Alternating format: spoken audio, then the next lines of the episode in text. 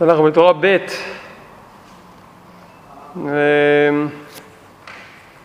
נמצאים באות ו', נו גם ראינו את הכל עד מעשה מר בלזר או שעדיין לא? מה? השלמנו את העניין? כן. טוב, אז נגיד בקצרה, למרות שזה אי אפשר לסכם את כל התורה עכשיו, רק נגיד בקצרה שאנחנו בקטע הזה, מאות ה', רבנו דיבר על כל העניין הזה של אחדות הפשוט מתוך פעולות המשתנות, ועל כך שזה התפקיד של לשון הקודש. לשון הקודש זה, זה השלמות, שלמות הדיבור, שזה נמצא במרכז התורה. מרכז התורה ב' זה המושג שלמות הדיבור. שלמות הדיבור נעשה על ידי שמאירים, שלוש, שלושת קווי האמת בריבוע הדיבור, שזה קורה על ידי עבודה של תודה הלכה. ובעקבות כך יש את השלמות הדיבור, וזה מתבטא בלשון הקודש. העניין שלה זה לקשר, כמו שכבר הספקנו לראות, משבת, בין שבת לימות החול. והמשמעות של לקשר זה להמשיך את השמחה של שבת אה, לימות החול, ועל ידי כך לגלות אחדות הפשוט. בהמשך מתברר אחדות הפשוט מתוך פעולות המשתנות, כי ימות החול זה פעולות משתנות. בעצם מתברר שאי אפשר להכיר את השם בלי אחדות פשוט, כי כל עוד, כל עוד החיים פעולות משתנות, אז העולם כל הזמן הוא אה, נמצא בידיהם של כל מיני כוחות ואנשים, אבל להכיר את השם זה להכיר את אחדותו יתברך. זה נקרא אחדות הפשוט, וזה לא יכול להתגלות בלי שבת, רק שבת יכול לגלות את האור הזה. ככה רבנו הסביר בקטע האחרון שלמדנו, כי בשבת, אה, הסברנו כבר, מאיר העניין הזה של אה, אור האמונה, מאיר האחדות בעצם, גם קישרנו את זה לזה שזה ביטול מלאכה, פעולות משתנות קשורות למלאכות. וביטול המלאכה, שהקדוש ברוך הוא גם לא ברא עוד דברים, אז הוא ברא בעצם את היכולת להכיר אותו. עם זה קישרנו את תחילת התורה, שהרבנו אומר שלעתיד לבוא, עיקר יהיה שהשול הבא זה יהיה להודות ולהלל אותו ולהיות קרובים אליו, להכיר אותו. שלוש דברים, להודות לו, להכיר אותו ולהיות קרובים אליו על ידי זה.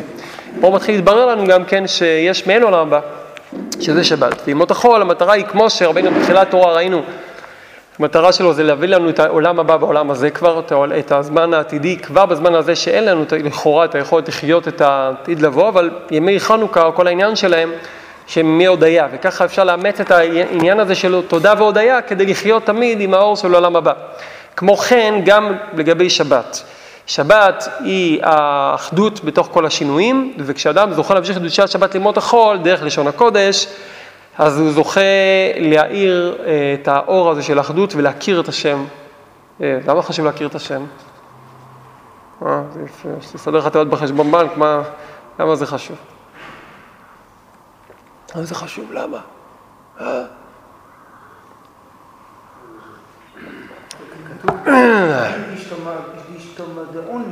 נו בסדר, אני יודע שכתוב. נכיר אותו מתוך כל מה שקורה פה, ו... וככה אנחנו מושכים את ה... אה, אה, שלנו. מה זה קשור לתורה ב' אבל? זה דבר חשוב מה שאתה אומר, נכון. אבל יש לנו בעיות, מה זה עוזר לנו בבעיות שלנו? מה זה עוזר? אתה צודק מאה אחוז, זה לא מה שאתה עושה. הקדוש ברוך הוא פועל פה את הכל. אז מה, בסדר. משיכים את הכוח שלו לפה, זה יותר פותח את הכל. כל הבעיות שלנו זה כי חסר לנו את ה... הבעיה שלנו בגלל שחסר לנו אמונה, חסר לנו הרבה דברים. אתה צודק, אני לא חולק על שום מילה שאתה אומר, זה אמת לאמיתה. כל השאיפה זה לאתר ולדייק מה רבנו רוצה באופן פרטי בתיקון הזה מסוים. אז רבנו הרי לא סתם מדבר על מעלות חשובות, הוא מקשר את זה למהלך מסוים שאמור לתקן את הנושא שעליו הוא מדבר בתורה ב'. בסדר? זה עיקר, זה נכון מה שאתה אומר, אמת לאמיתה. הנקודה לברר מה, איפה אנחנו, איפה הבעיה המרכזית, מה, מה עיקר הנקודה של תורה ב', שזה, איפה הקווץ' העיקרי ואיפה זה משלים את זה. אז אם אנחנו עוקבים מתחילת התורה, רבנו דיבר על, על העניין של תודה והודיה, וכבר אז מנינו כמה בחינות שהן ההפך מזה, כלומר תודה והודיה מול משהו קודם לתודה והודיה, שזה הבעיה, זה הצרה, כשאדם נמצא בצרה, הדמים שוטפים על הלב, או שנדבר על היולדת, על מצב החיסרון, שאז אין עצה, אין עצה או שלא יודעים מה ההלכה, כל הבחינות שראינו, בעיקר אנחנו קוראים לזה צרה, בסדר? מצב צרה, מצב של צרה. כמו ארבע שחייבים להודות שהם ארבע אנשים, נדבר רגע באופן כללי יותר, ארבע אנשים שנמצאים במצבים שונים, ארבע מצבים של מצבי אה, חירום, בסדר? ארבע מצבים של סכנה, סיכון, כן? שזה מי שיורדי הים, החולים, הולכי מדבריות ובית האסורים. זה מצבים שמתארים באופן כללי, בחינות כלליות מאוד. מי שנמצא במצבים האלה, כשהוא יוצא הוא צריך להודות, להביא קורבן תודה.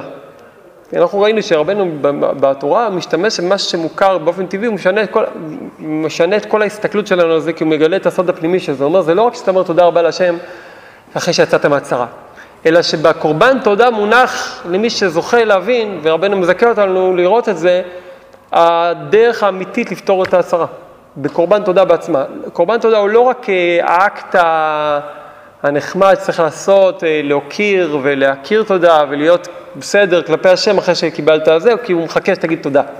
זה לא זה. אלא התודה זה חותמת ש, ש, שמתארת את השלמות ואת המצב של הישועה אחרי הצרה. בתוך התודה בעצמה מונח הפתרון לצרה, כי אין סיבה בעולם שיהיה צרה אם לא כדי להביא למשהו שהוא יותר עמוק מזה. הצרה הכי גדולה זה העולם הזה, והעולם הבא זה הפתרון שלו. אז צריכים את הפתרון ללכת לעולם הבא. בקיצור, בן אומר, הפתרון שלך נמצא בתודה, אבל לא הגעתי לתודה. תודה אומרים אחרי שהכל מסתדר. בן אומר, זהו, שלא. תודה לא אומרים כשהכל מסתדר, זה גם, גם אז אומרים תודה. כש, כשהכל מסתדר, מתגלה האור של התודה. אז אתה חייב להגיד תודה, כי זה מתגלה האור של התודה, אבל לא תגיד תודה, אז זה הזמן להגיד תודה, כי מתגלה האור של התודה. אבל אם אתה יודע את, את האור של זה, את העיקרון הזה, אתה תיקח את האור של התודה ותפעיל אותו עוד לפני שהגיע ישוע. כבר תוך כדי צרה, אתה תעשה את העבודה של תודה והודיה, ועם כל הבחינות שיש בזה, כדי לחיות אחרת את הצרה. בסדר? זה הדבר שהזכרנו, ככה דיברנו על זה, נכון? בהמשך זה מורחב יותר. אני רוצה להתמקד בנקודה...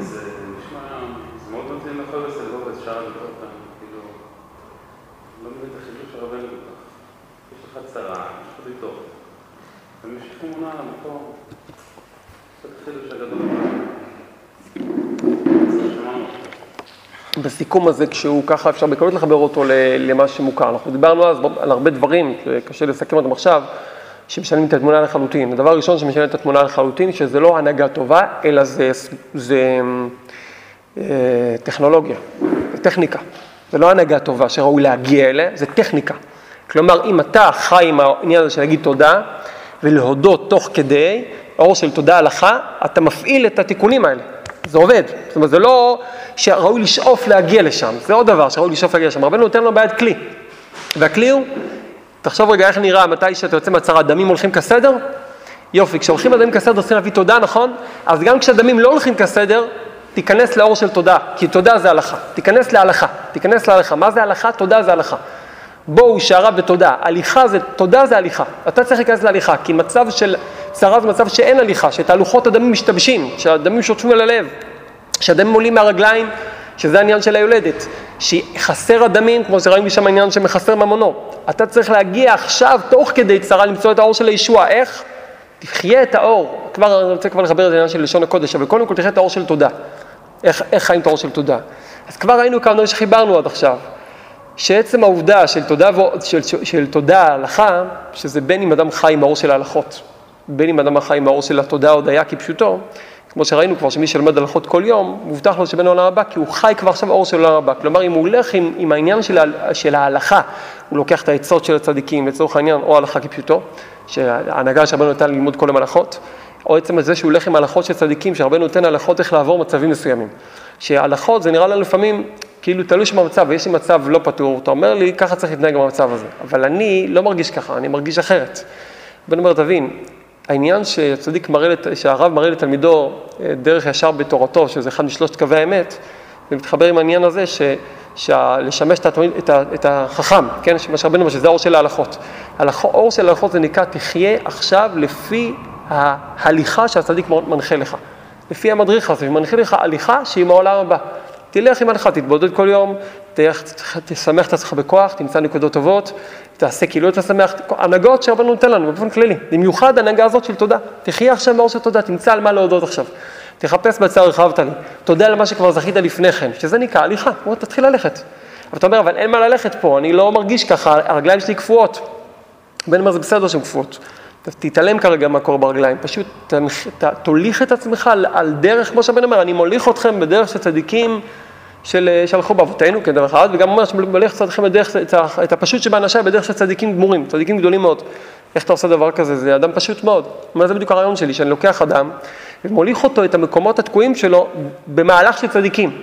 לא בגלל שהוא ברהכי, אלא בגלל שברגע שהוא הולך במהלך הזה, זה עצמו מרפא לו את הרגליים. זה מרפא לו את, ה, את, ה, את הבעיה שלו, את התקיעות שלו. למה? אז זה ראינו כבר, עכשיו אפשר להבין את זה.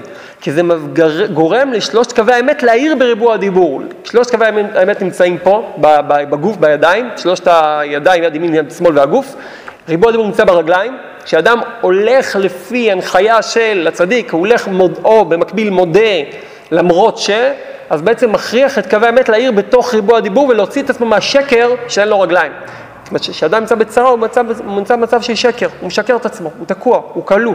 אבל כשאדם מחייב את עצמו להודות, להלל, להיכנס למהלך, ולכן זה מתחבר בכלל לכל העניין הזה של ללכת עם תורות. אפשר להגיד פה אמירה כללית על ללכת עם תורות, בן אומר שהוא רוצה שילכו עם תורה. מה זה ללכת עם תורות? לכל אחד יש את המהלך על מה הוא הולך, מה, מה, מה השבילים של החיים שלו. ולכל אחד יש את הבעיות בשבילים הפרטיים של החיים שלו. ולרבנו בליקוט המורן יש סט של שבילים אחרים, בסדר? אפשר להגיד, השבילים של רבנו לא מתאימים לשבילים שלנו. צריכים בשביל זה ליפול בעיירה אוקראינית אה, פסטורלית בלפני 200 שנה, כשזה יעבוד, שזה יעבוד. כי לנו זה לא, עכשיו לא מתאים בדיוק.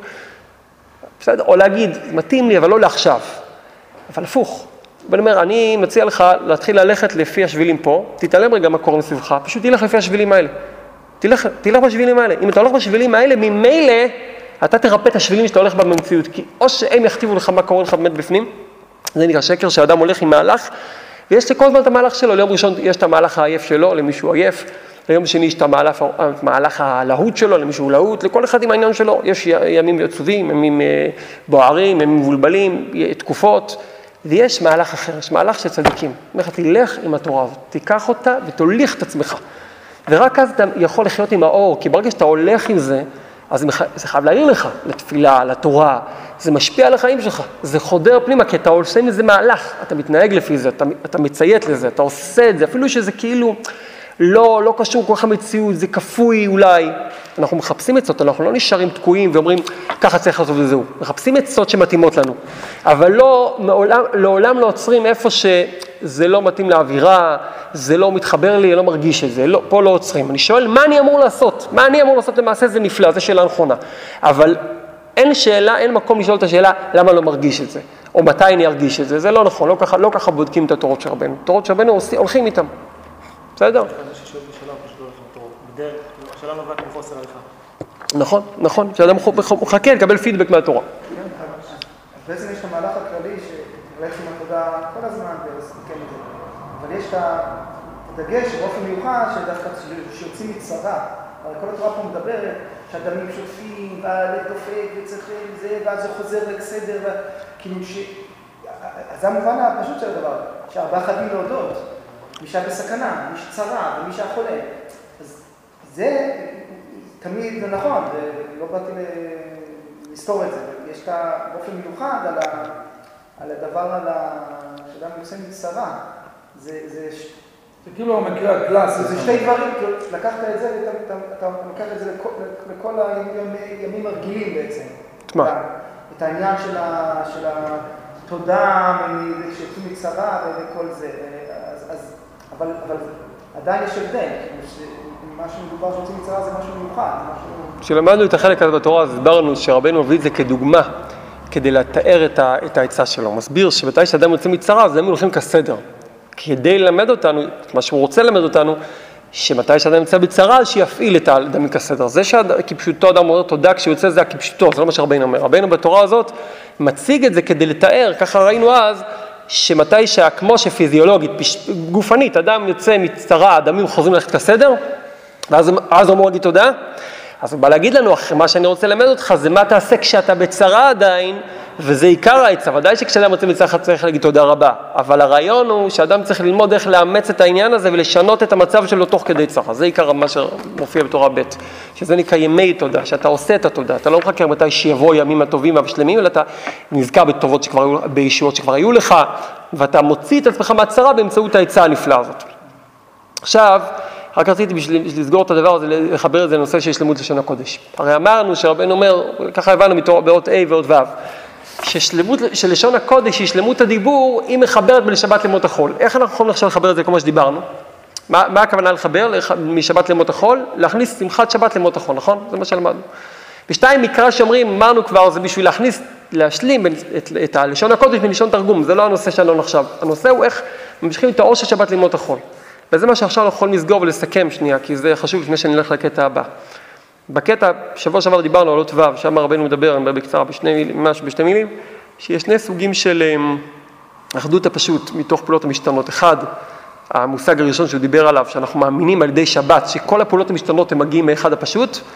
דבר שני זה כשיש היחיד דברים הלכה כרבים, שרבים מסכימים לדעה אחת, אז זה אור גדול שאפילו חידוש אצל השם. ואת כל הנימוקים המעניינים שראינו, האמת שהבטחנו שנדבר על זה יותר. טוב, מה? עשיתם שיעור הבית? מה? בואו לא נפתח את זה. אז דבר ראשון, מה זה, איך זה קשור ללשון הקודש? לשון הקודש, כבר אמרנו שהיא שונה מכל הלשונות בזה שהיא שלמות הדיבור. מה זה שלמות הדיבור? אז אפשר לשאוב מלפני כן, מה זה, לא, מה זה דיבור לא שלם? זה דיבור שאין לו את האור הגדול של אה, שלושת קווי האמת, שלושת קווי האמת, שזה אחד שם הוויה, אחד שם אלוקים, אחד שם, סליחה, אחד שם אל, כל, אלוהיקים הוויה, בדיוק, שזה חסד גבורה תפארת, שזה נקרא תורת תפילה שידוכים. ואז ראינו ששידוכים, זה עושה את השלמות של לשון הקודש, כי אז מחברים את התשעה קווים שקיבלו אנשים ואת הקו אחד של כל העולם, מה האור של הדבר.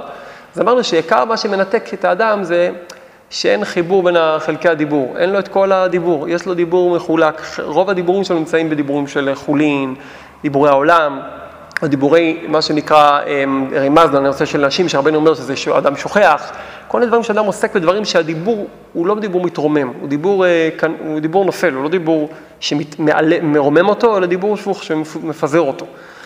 כל הדיבורים של העמים, רבנו קורא להם, חז"ל אומרים, הוא פשוט מביא את חז"ל, שהם נקראים לשון עילגים, עילג. לשון, אז משמע שאם אני רוצה לדעת מה זה שלמות לשון הקודש, אני צריך לחשוב גם מה זה נקרא לשון עילג, כדי לדעת מה זה לשון שלם. לשון עילג זה לשון לא, לא מושלם, נכון? מה זה עילג? שמדבר לא, לא מושלם, כן? זה לשון... האנגלית העילגת, הוא... כן. מילים, אני לרצות שתביא, כן, יפה, בדיוק. אז יש, אז הבן אומר שיש לשון העמים, גם כל הדקדוק וכל הספרות היפה, זה נקרא לשון עילגים מול לשון הקודש. פלא, כן, זה לא פשוט, לא, לא יודע, שפות יפה, שפה יפה, לא יודע, שפות מאוד, אה, במיוחד אה, יפת, שכתוב שיפת אלוקים ליפת, יש להם שפה טובה, ויש כל מעלה השם, יש להם שפה יפה.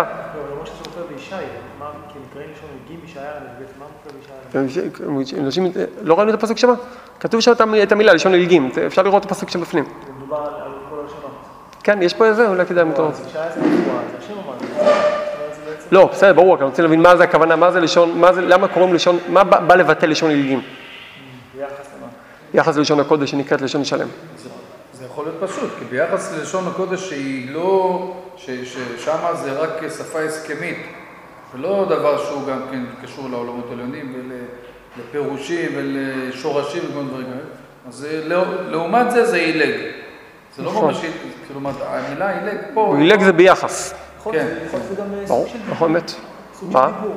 כל הלשונות, זה- גם לשון ראשון, וגם שפה ששם ברק הלשונות, אין. כן. אבל סוג של דיבור, נחות יותר. נחות יותר, אז אני שואל איפה, איך לבטא את הנחות יותר. שאמרת דבר נכון, מאוד מעניין, של שהשפה ההסכמית מול שפה שהיא מהותית, שזה לשון הקודש. זה באמת נקודה, קצת העלינו אותה, שלשון הקודש היא נוגעת ישירות בדברים. כל דבר שאדם אומר בלשון הקודש, אז זה בעצם נוגע במהות של הדבר. מה שאין כן לשון אה, עקום, שזה כל מיני כינויים שמלבישים על דברים. שזה מתחבר למושג עילג. עילג, כפשוט אמרת, מה אתה קורא עילג? למשהו שהוא לא, הוא לא מושלם. אתה מתאר, אבל בלשון כזאת אה, מסוכסכת. היא לא, היא לא... מה? כמו לעג, כן. לעג יכול להיות שמגיע באותו דבר? יכול להיות שמגיע באותו מקום. כאילו זה מגוחך. למדנו עכשיו בהלכות מגילה, שמי ש... מי ששומע את המגילה בלשון הקודש, גם אם הוא לא מבין. הוא יוצא ידי חובה. לעומת, אה, לשון עקום שרק באותה שפה שהוא שומע. רק אם הוא מבין, כן, בלעז רק אם הוא מבין הוא יכול לצאת. יפה מאוד, יפה מאוד. עוד דוגמה מצוינת, נכון. למה? כי לשון הקודש, תרצה או לא תרצה, היא לשון נכונה, זה לשון אמת. ועכשיו זה מתחבר לכל מה שדיברנו, עכשיו זה מתיישב מאוד מאוד טוב. כי המטרה היא הרי, סלחו לי קצת על האריכות, אבל כדי שנבין את הדברים. אחרי שאמר דיבר על לשון הקודש ועל שבת, בקטע, באות ו' הבנו קצת יותר, הוא אמר שבלי שבת לא היינו יודעים אחדות פשוט. כי בכל ימות החול הוא ברא כל מיני דברים. אבל נהיה ריבוי, מהריבוי קשה לדעת את האחדות, זה ההסתרה בדיוק. כשהקדוש ברוך הוא שבת מלאכה בשבת, אז הגיעה לעולם המתנה הגדולה שנקראת המתנה טובה שיש בבית גנזי, שזה האמונה בעצם, השבת שנותנת את האמונה, את היכולת לחוות אחדות פשוט, שזה שבת נותנת. אז בעצם פעולות המשתנות זה, אני יכול בעצם לא לראות השם שם כביכול. נכון. זה הסתרה הגדולה. זה הסתרה, בתוך הפעולות של השם. איך זה קשור ללשונות? צריכים לחבר את זה עכשיו ללשונות. פעולות המשתנות בדיוק מקבילות ל-70 לשון. לשון נופל על לשון, תורה י"ט אני מדבר. למה? כמו שפעולות משתנות זה שינוי כל פעולה עם משהו אחר, גם לשון העקום, באמת כל לשון זה משהו אחר, וכל מילה, המ- המילים מנסות להגדיר דברים, כאילו להגיד זה זה זה. בעצם, עומק הדבר מה זה אומר? שהעמים שהסכימו שקוראים לשולחן כך וכך, או לכיסא כך וכך, או למשהו מסוים כך וכך, הם בעצם הלבישו כותרת על משהו. הם נתנו לו משמעות, העניקו לו משמעות. מה זה נקרא? אצלנו נקרא הסתרה. נקרא הסתרה. כי ברגע ש- שהגוי נתן, אה, עם, לשון, נתנו מילים לדברים, המילים, השמות שהם נתנו לדברים, זה בעצם האחיזה שלהם באותו דבר. כשאתה משתמש באותו לשון, אתה בעצם אוחז כמו, באותו אחיזה שהגוי אוחז באותו דבר. עצם האחיזה היא הסתרה לדבר, כי לדבר יש, יש הרי סיפור מהותי שלו. הקדוש ברוך הוא ברא אותו, יש לו תכלית מסוימת. בדיוק, שולחן. אז בלשון הקודש, בין אם אני יודע את הסוד, בין אם לא יודע את הסוד, האותיות של הדבר מבטאות את התוכן הרוחני שלו. כמו שהרמח"ל מעריך על זה, כמו שהשלה הקדוש מעריך על זה, שעצם המילה, האמירה, זה האותיות שמחיות אותו, ולכן אפשר למצוא שם רמזים. ועצם האמירה של אותו דבר ממשיכה חיות לאותו דבר, וגם מקשרת אותך לרצון השם של אותו דבר. אבל לשון העקום זה הפוך. זה, כי למה האדם נתן שם לשולחן כזה שם? לפי השימוש שלו, לפי מה שהוא מוצא בשולחן. זאת אומרת שכל הלשונות של העמים, זה כל אחד אה, העמיס על אותם חפצים, על היקום, על, ה, על, ה, על המציאות, את הפרשנות שלו, את הציפיות שלו, את השימושים שהוא עושה בזה. עכשיו מה, למה זה קשור קצת לעניין של פעולות משתנות? כי פעולות, שיא הפעולות המשתנות זה שאדם מגיע למקום, ואז הוא שואל את עצמו, איך אני מפיק תועלת מהמקום הזה? אז כל אחד נותן שמות לכל מה שהוא רואה במקום לפי התועלת שמפיק מזה. ולכל עם ולשון יש תועלת אחרת, יש שפה אחרת. אבל כשמגיע עם ישראל ויש לו את לשון הקודש, הוא לא שואל מה התועלת שלי, הוא שואל מה השם מתכוון. לשון הקודש אומרת מה השם מתכוון, מה הוא רוצה מזה. זה נקרא אחדות הפשוט, כן? לכן זה מתאים אחד לשני.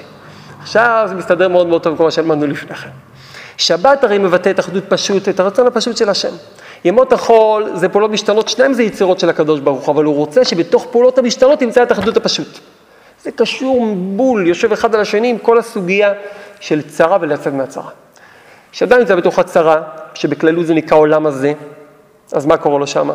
הוא נמצא במצב שבו דמים שוטפים אל הלב, זה נקרא שקר, אנשי דמים ישנאו אותם, הם שונאים את, את האמת, הם שונאים את, את, את האמת עצמה. ואז האדם נמצא במצב שהוא משקר לעצמו, הוא, הוא נרדף, הוא מבולבל. לעתיד לבוא, אנחנו לא נעסוק בלבקש על הבעיות שלנו, רק נודה להשם כל הזמן, תודה והודיה. תודה והודיה, מה שונה בשפה של תודה והודיה? הרי כתוב שלבוא יהיה שפה אחרת, אנחנו לא נתפלל עוד, לא, לא יתפללו עוד על בקשות ועל בעיות, רק כולם, כי אז יהפוך אל כל העמים שפה ברורה לקרוא כולם בשם השם, זה מקביל לזה שלא יהיה יותר תפילות של בקשות, רק הודיה. וזו שפה שהיא גם תתפשט בכל הגויים כולם. מה ההבדל בין השפה של בקשות לשפה של תודה? הרי זה שתיהן בלשון הקודש.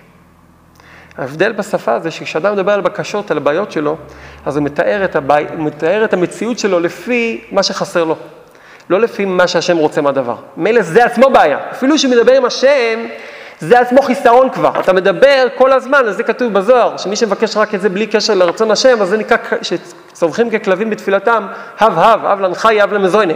מה, לא צריכים לבקש, ודאי שצריכים לבקש. אבל כשאדם חי רק במודעות של תביא לי, אז הוא נקרא ככלב, למה? כי הוא לא מחפש בכלל קשר.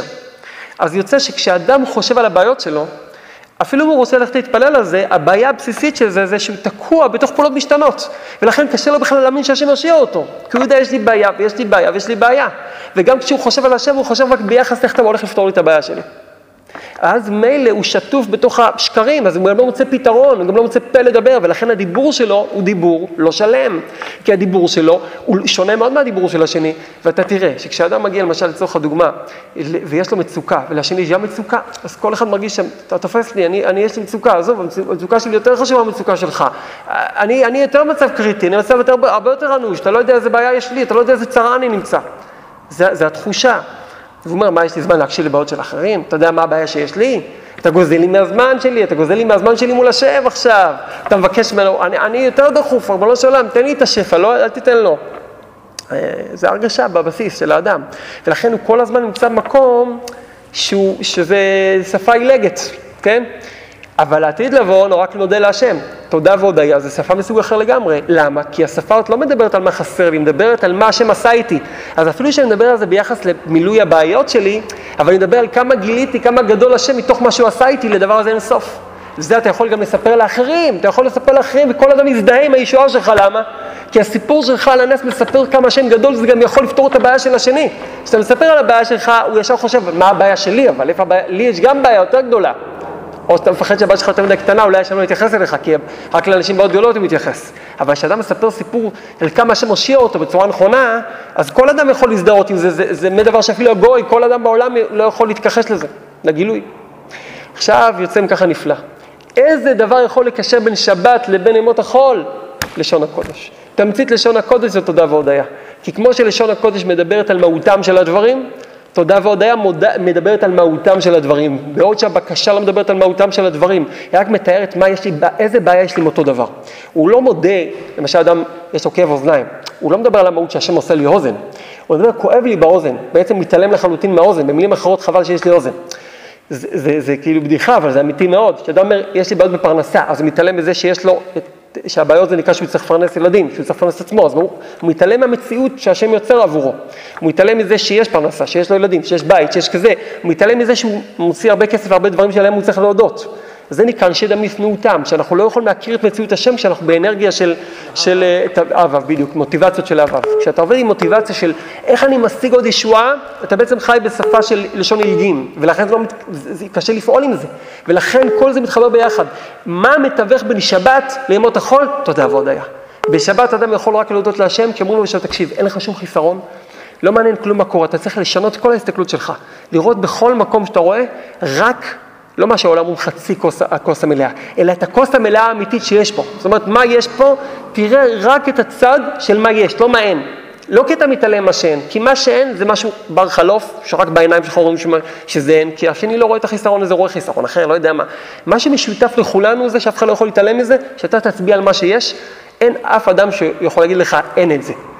על חסרונות תראה שתמיד יש ויכוחים, אחד רואה שזה לא יפה, השני רואה שזה לא יפה. אבל להצביע על מה שיש כמה שיש, זה כל אדם יגיד, יודע לך, נכון, יש פה את זה. תגיד, זה נראה מכוער בעיניי, אבל אתה לא יכול להתווכח את זה שיש פה את הארון הזה, כן? אתה, אתה לא יכול להתווכח על זה שיש את הנוכחות של האדם הזה. ככל שאדם מתמקד יותר במה השם נוכח פה, מה השם כן עושה איתי, הוא יוצא משפת החסרון לשפת השלמות והוא יכול לשדך בין שבת למות החול. זה נקרא להשלים את. דיבור על ידי הרע משבת למות החול, ולהמשיך את השמחה שבת למות החול. משפט אחרון לדבר הזה, הרי אמרנו מה הצבות של למות החול בכל מה שאדם עושה וגם בעבודת השם, כי זה מבחינת עבד. איך זה יכול לפתור את הבעיה של עבד? בדיוק באותו נקודה, רבינו אומר, זה אותו נקודה. מה זה תודעת עבד?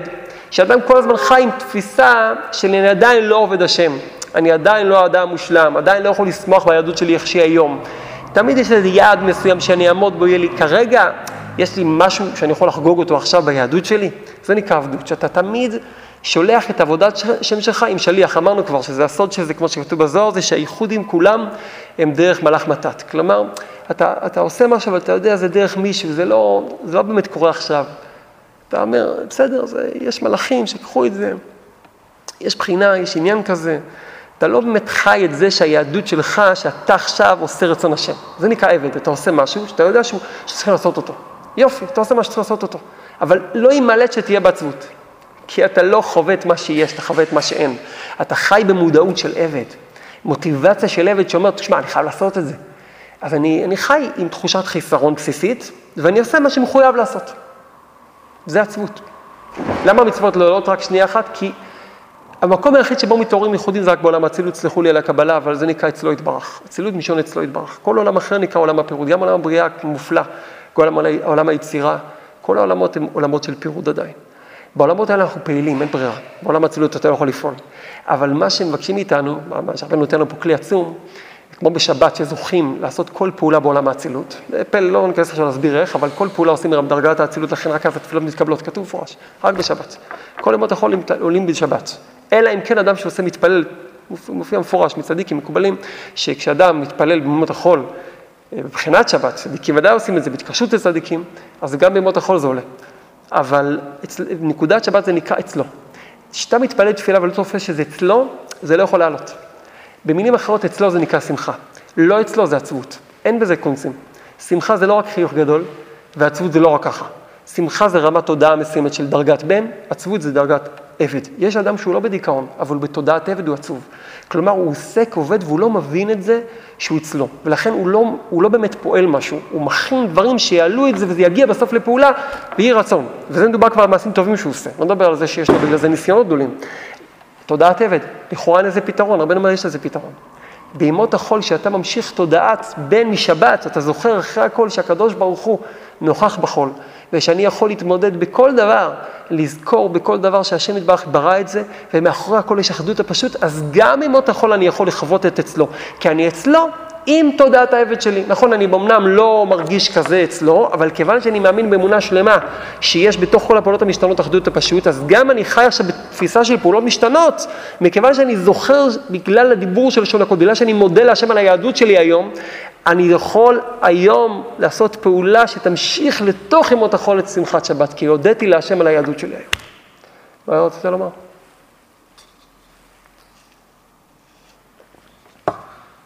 אה?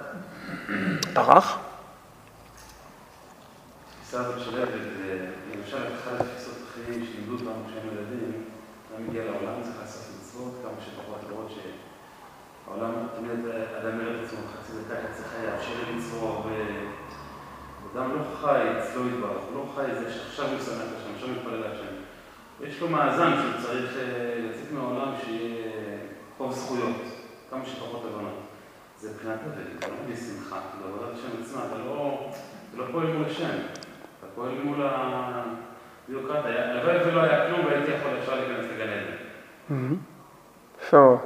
באמת העבד הוא בעצם סוג של מקבל. כן. הוא לא- לא- הוא לא מעצמו. הוא סוג של הווה. אין לו רצון פרטי עצמי. לא רצון פרטי. אז בעצם כל המהלך של התודה, זה בעצם מחבר אותנו למודעות של העניין של של העניין המקורי. נכון. ולכן באמת שמודים זה באמת קשה, כי אז אתה אתה- מתחיל עוד כמה דברים. זה, אני יודע, זה, זה פשוט שזה מגיע לזה אני בכלל. זה, לכן בתפיסה, אצל העולם צריך להודות רק על דברים גרנדיוזי. לאחר מעשה, וגם מודים רק על הקטע של הסוף, של, של האחוז של ההצלה, לא שוכחים מה היה בכל, ה, בכל הבסיס. כן, בדיוק. לא לא משנים גם את ההתייחסות כמו זה שעבר. חוזר על עצמו, לא חוזרים פה לעניין של העומק, ולכן אה, אם באמת מודים, באמת אה, זה עבודה.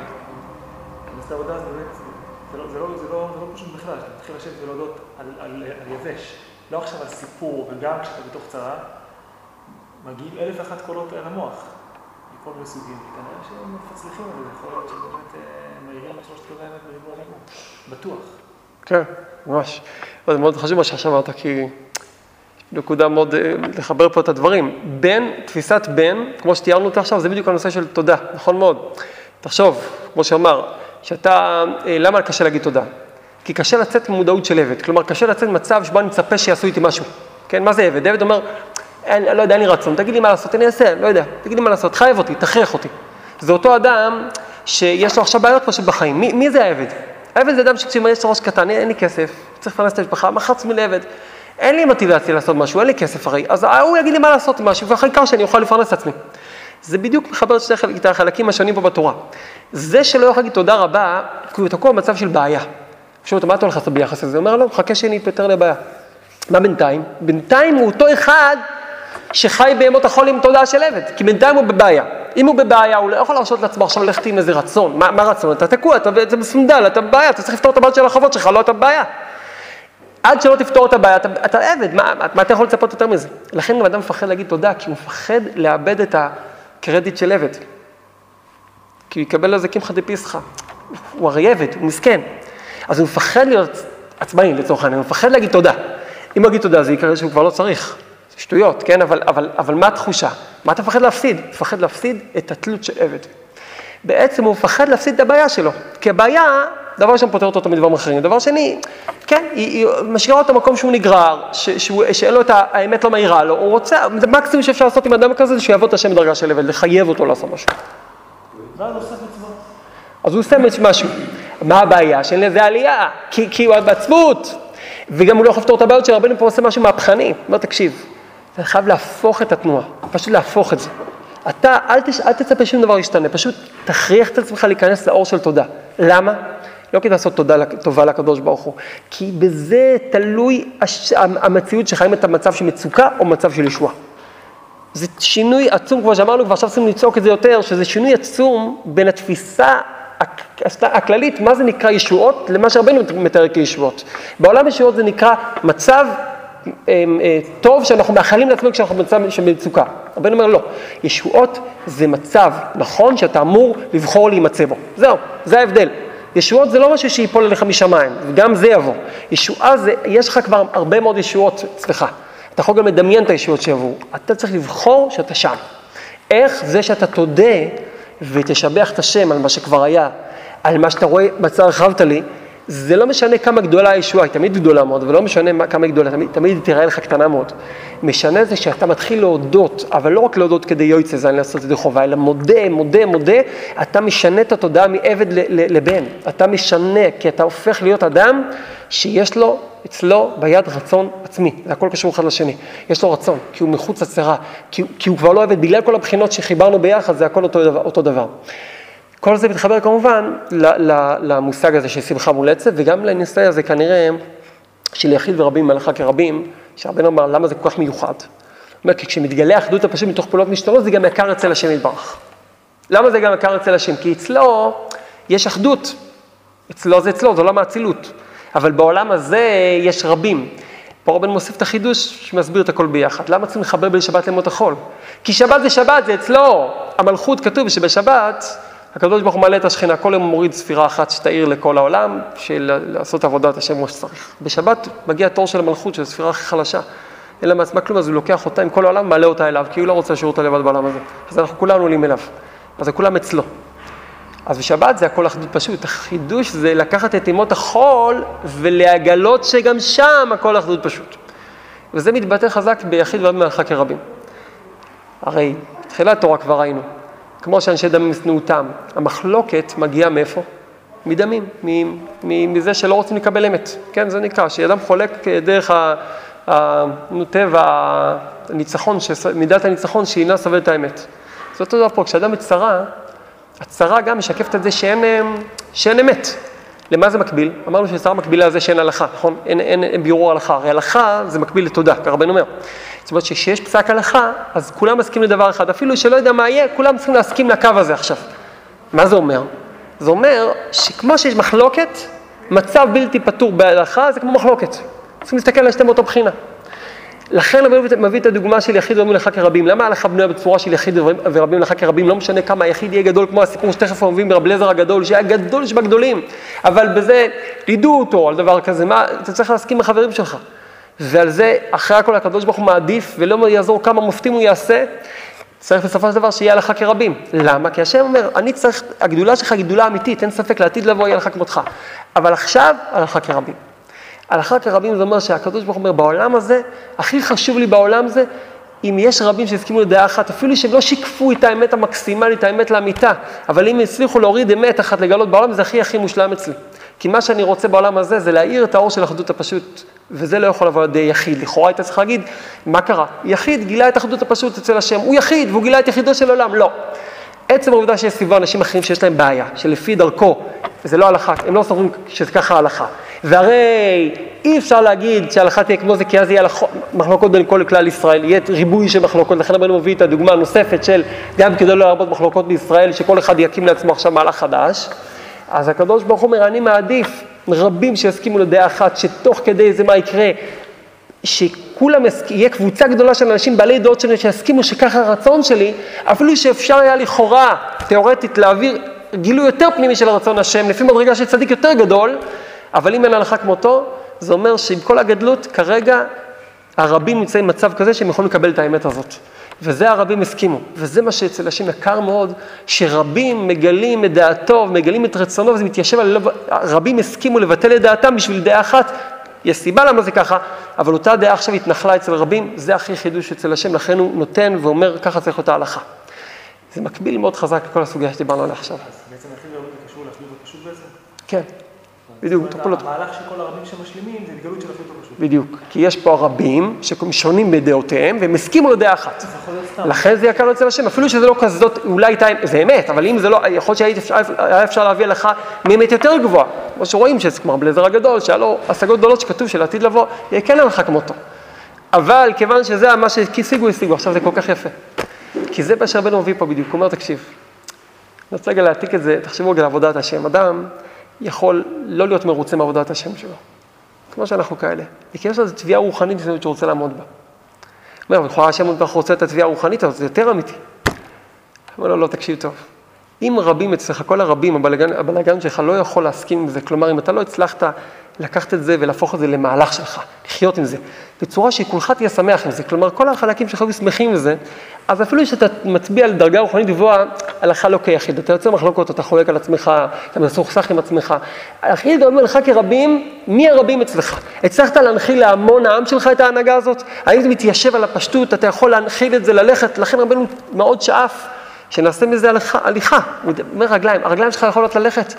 ללכת עם התודעה. תודה זה הליכה, זה, זה דבר מאוד פשוט. אל תלך לי עכשיו לא עם הראש, לא עם הרגש, כאילו עם מה שאתה מרגיש הרגוש עשה וירש, זה דבר חשוב מאוד. אבל אם בגלל זה הרגליים שלך לא יכולות ללכת, אתה מבולבל כי לא יודעים ללכת ימינה או שמאלה, אתה בבעיה.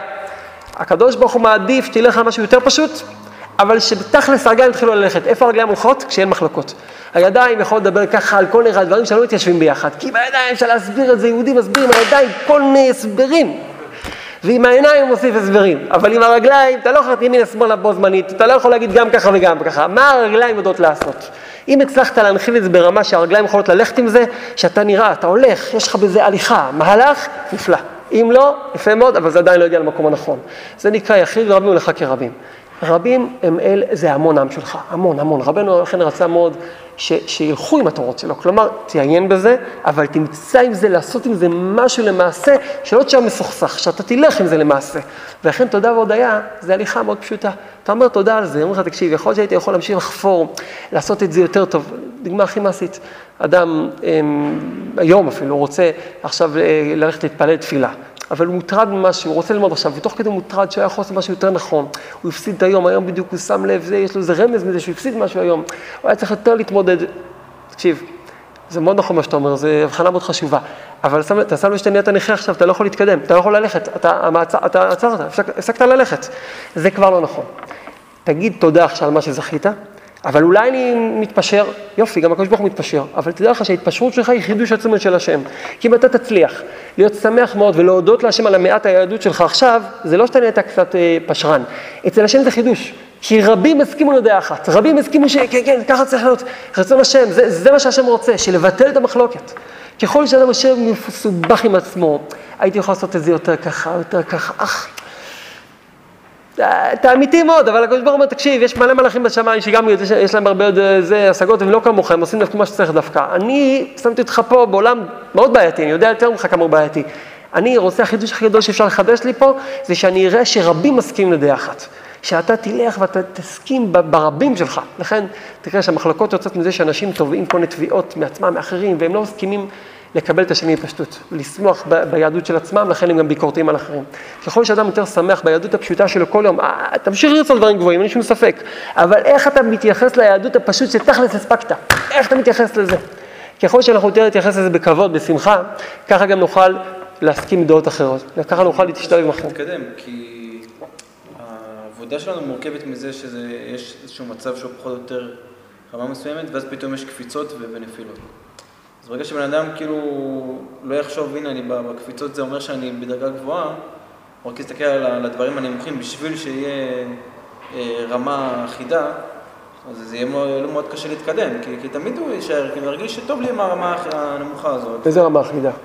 זאת אומרת, הרמה הרוחנית, כאילו ירגיש שבסדר, אז למה אחידה? למה עשיתי התבודדות דוגמה, או לא יודע מה, אז בסדר, הקדוש ברוך הוא לא רוצה שאני עכשיו ארגיש עם זה מצפון וכל מיני דברים כאלה, בשביל שיהיה אה, רמה מסוימת. זה שיהיה, שיהיה שלום בין הדעות. נו. אז בסופו של דבר לא יהיה לו דברים שיגרמו לו לרצות להתרומם, כי, כי הוא ירגיש, אוקיי, מה שיש זה טוב, וככה זה אמור להיות. לא יהיה לו את הדחיפות. מה קורה? מה שיוצרות לנו במובן מסוים, ש, שנכון שאנחנו בתקופה מסוימת בזיגזג, אבל בסופו של דבר אנחנו מתקדמים קצת, כי, כי יש לנו לאיפה, זאת אומרת, אנחנו קופצים ונתפסים מדי פעם. ברגע שאנחנו נרגיש כאילו שאנחנו יורדים למטה, כאילו אנחנו נשארים במשהו הבטוח שלנו, בבסיס שלנו, אז מה, מה יגרום לנו באמת כאילו ל... מי דיבר על? בטוח ובסיס? לא דיברנו על בטוח ולא בסיס, בכלל לא. לא דיברנו על בטוח. ואני לא יודע מאיזה, מאיזה צד אה, להציג את הדבר, לא, מצוין מה שאתה שואל, אבל תמיד אנשים שואלים את אותו שאלה, ותמיד אני שואל את אותה שאלה בחזרה. אנשים מפחדים בדרך כלל, גם אני מפחד, כן? ש, שאם אה, אם לא יהיה לי, שאם אני אהיה שמח מה שיש לי, לא יהיה לי שאיפות.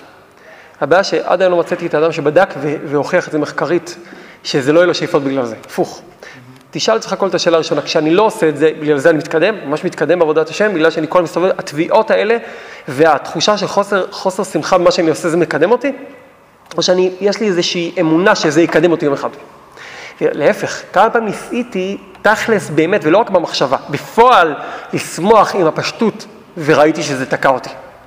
רבנו מתאר פה מצב אחר, אף אחד לא עושה את זה, אני רואה, מישהו חולה שאף אחד לא עושה את זה, רבנו מתאר משהו אחר, זה גם, זה בדיוק תמון בשלוש מילים של זה. בדיוק הפוך מהשכל האנושי, בן אדם לא יחשוב אה, ש- שאני שמח במה ש... כאילו... נכון.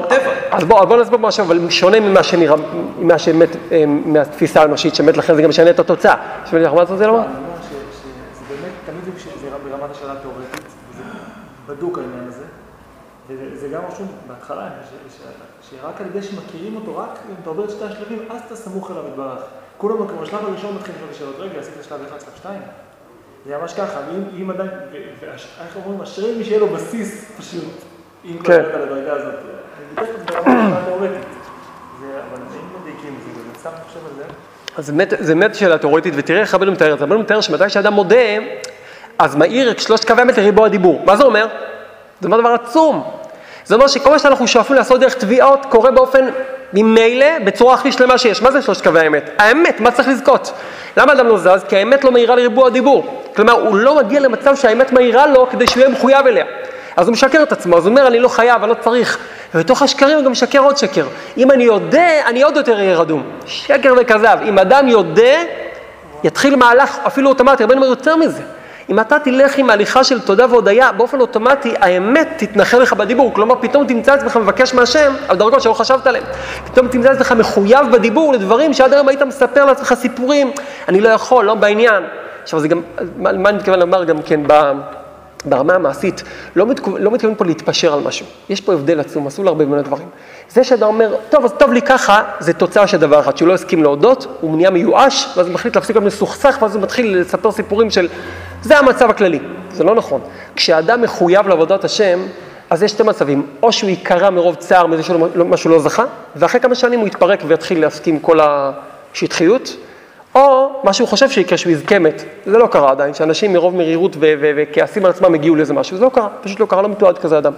לא תועד עדיין, אדם כזה שמתוך סכסוך פנימי אה, מגיע למשהו, כי זה אותן אנרגיות, לא, אין מקום להעריך שאותן אנרגיות של העבירה, זה אנרגיות של הריב עם עצמי אחר כך, זה פשוט בטלה, זה בטלה, אדם שאומר למה אני לא, למה אני לא, זה, זה סתם, זה לא, זה לא מה שמכוון לעשייה. מה שכן קורה זה כשאדם מודה, הדבר הראשון מייקר את היהדות שלו, הוא לא מתפשר, מה פתאום מתפשר? הפוך, הוא רוצה הלאה, אבל מה הוא עושה כן? הוא קודם כל מתחיל להניע את הרגליים שלו. כי הוא, הוא, הוא מודה, הוא מודה על השם, אומר, לכו נרננה, בואו שערה בתודה, הוא עושה מהלך. כשברגע שאדם עושה מהלך, אז דבר ראשון, אין לו סתימה בלב, כמו שהרבנו מתאר, הדמים לא תקועים בלב עם כל מיני תוכניות, הרי מה, מה צרה, איך הרבנו מתאר צרה? שכל אדם שוטפים הלב וקבל עצה.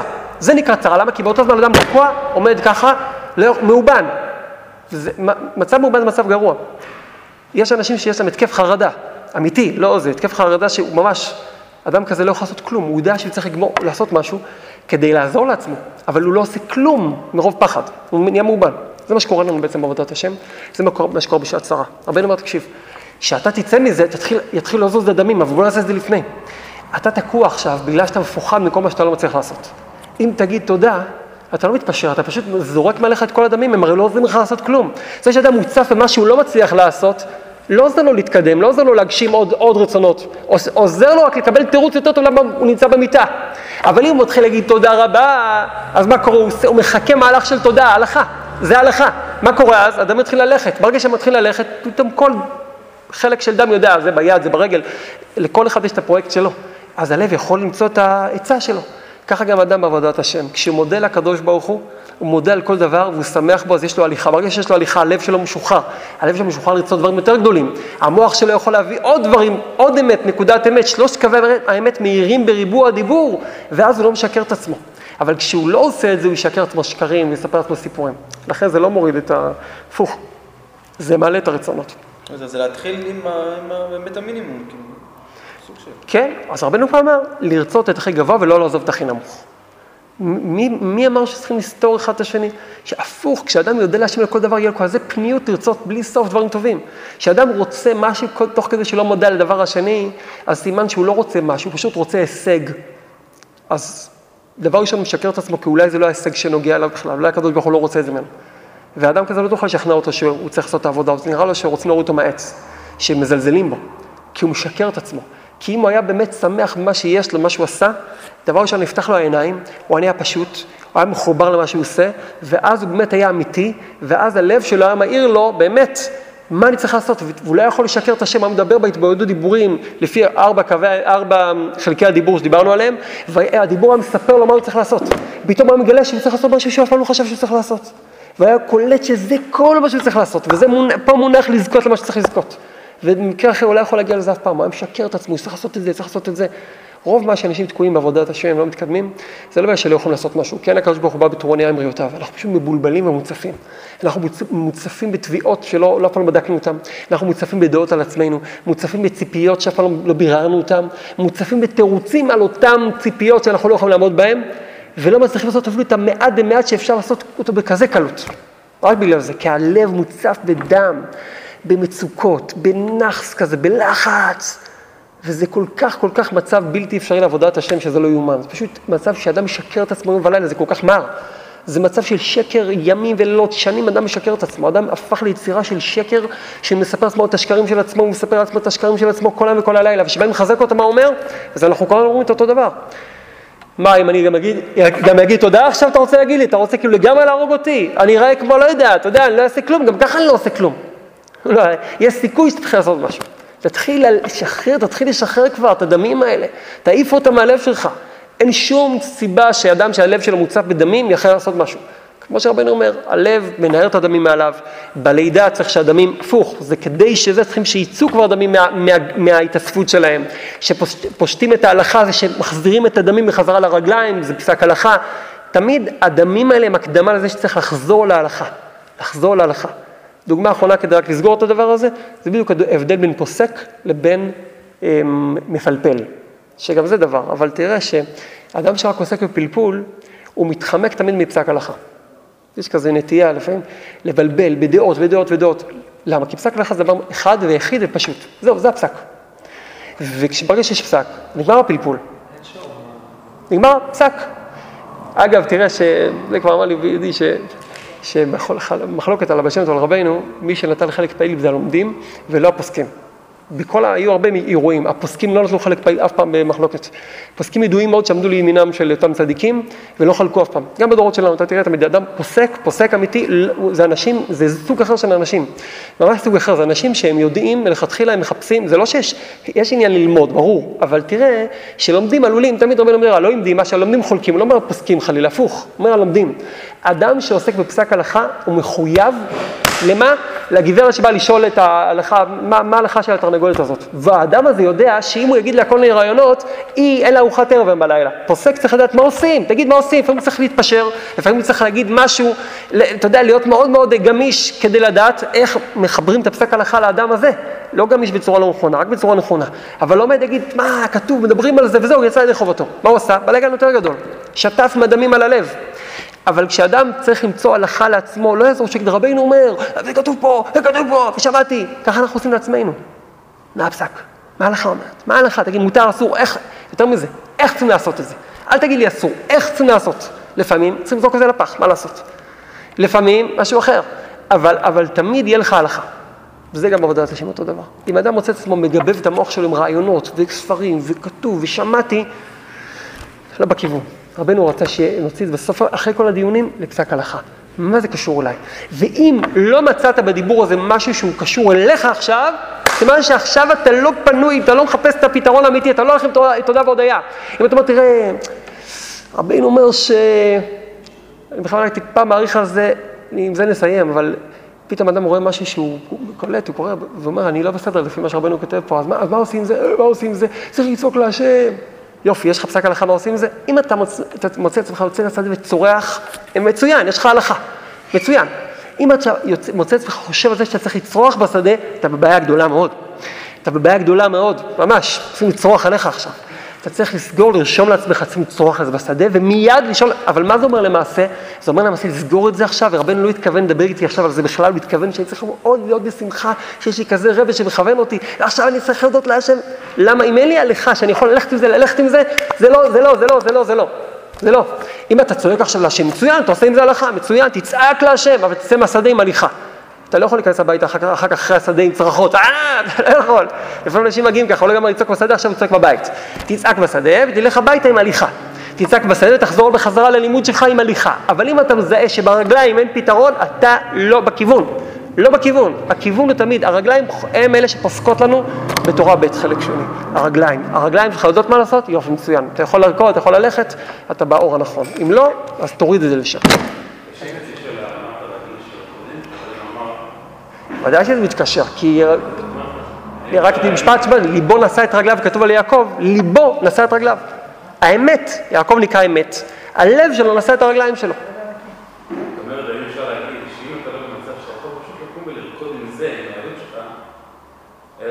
לא צריך לרקוד.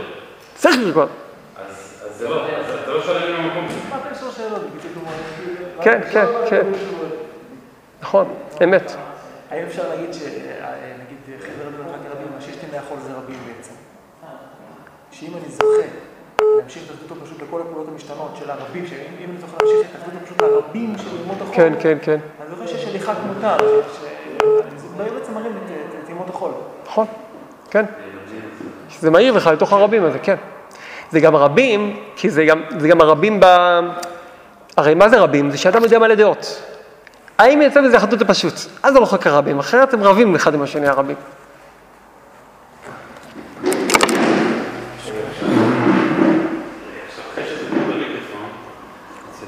לא סגרו עדיין את המיקרופון. הבן ששמח וכל הזמן בתודה, ומול העבד שלו בצמצום, זה לא מזכיר את אה, תודעת השפע ש- שמדוברת בעולם? מזכיר,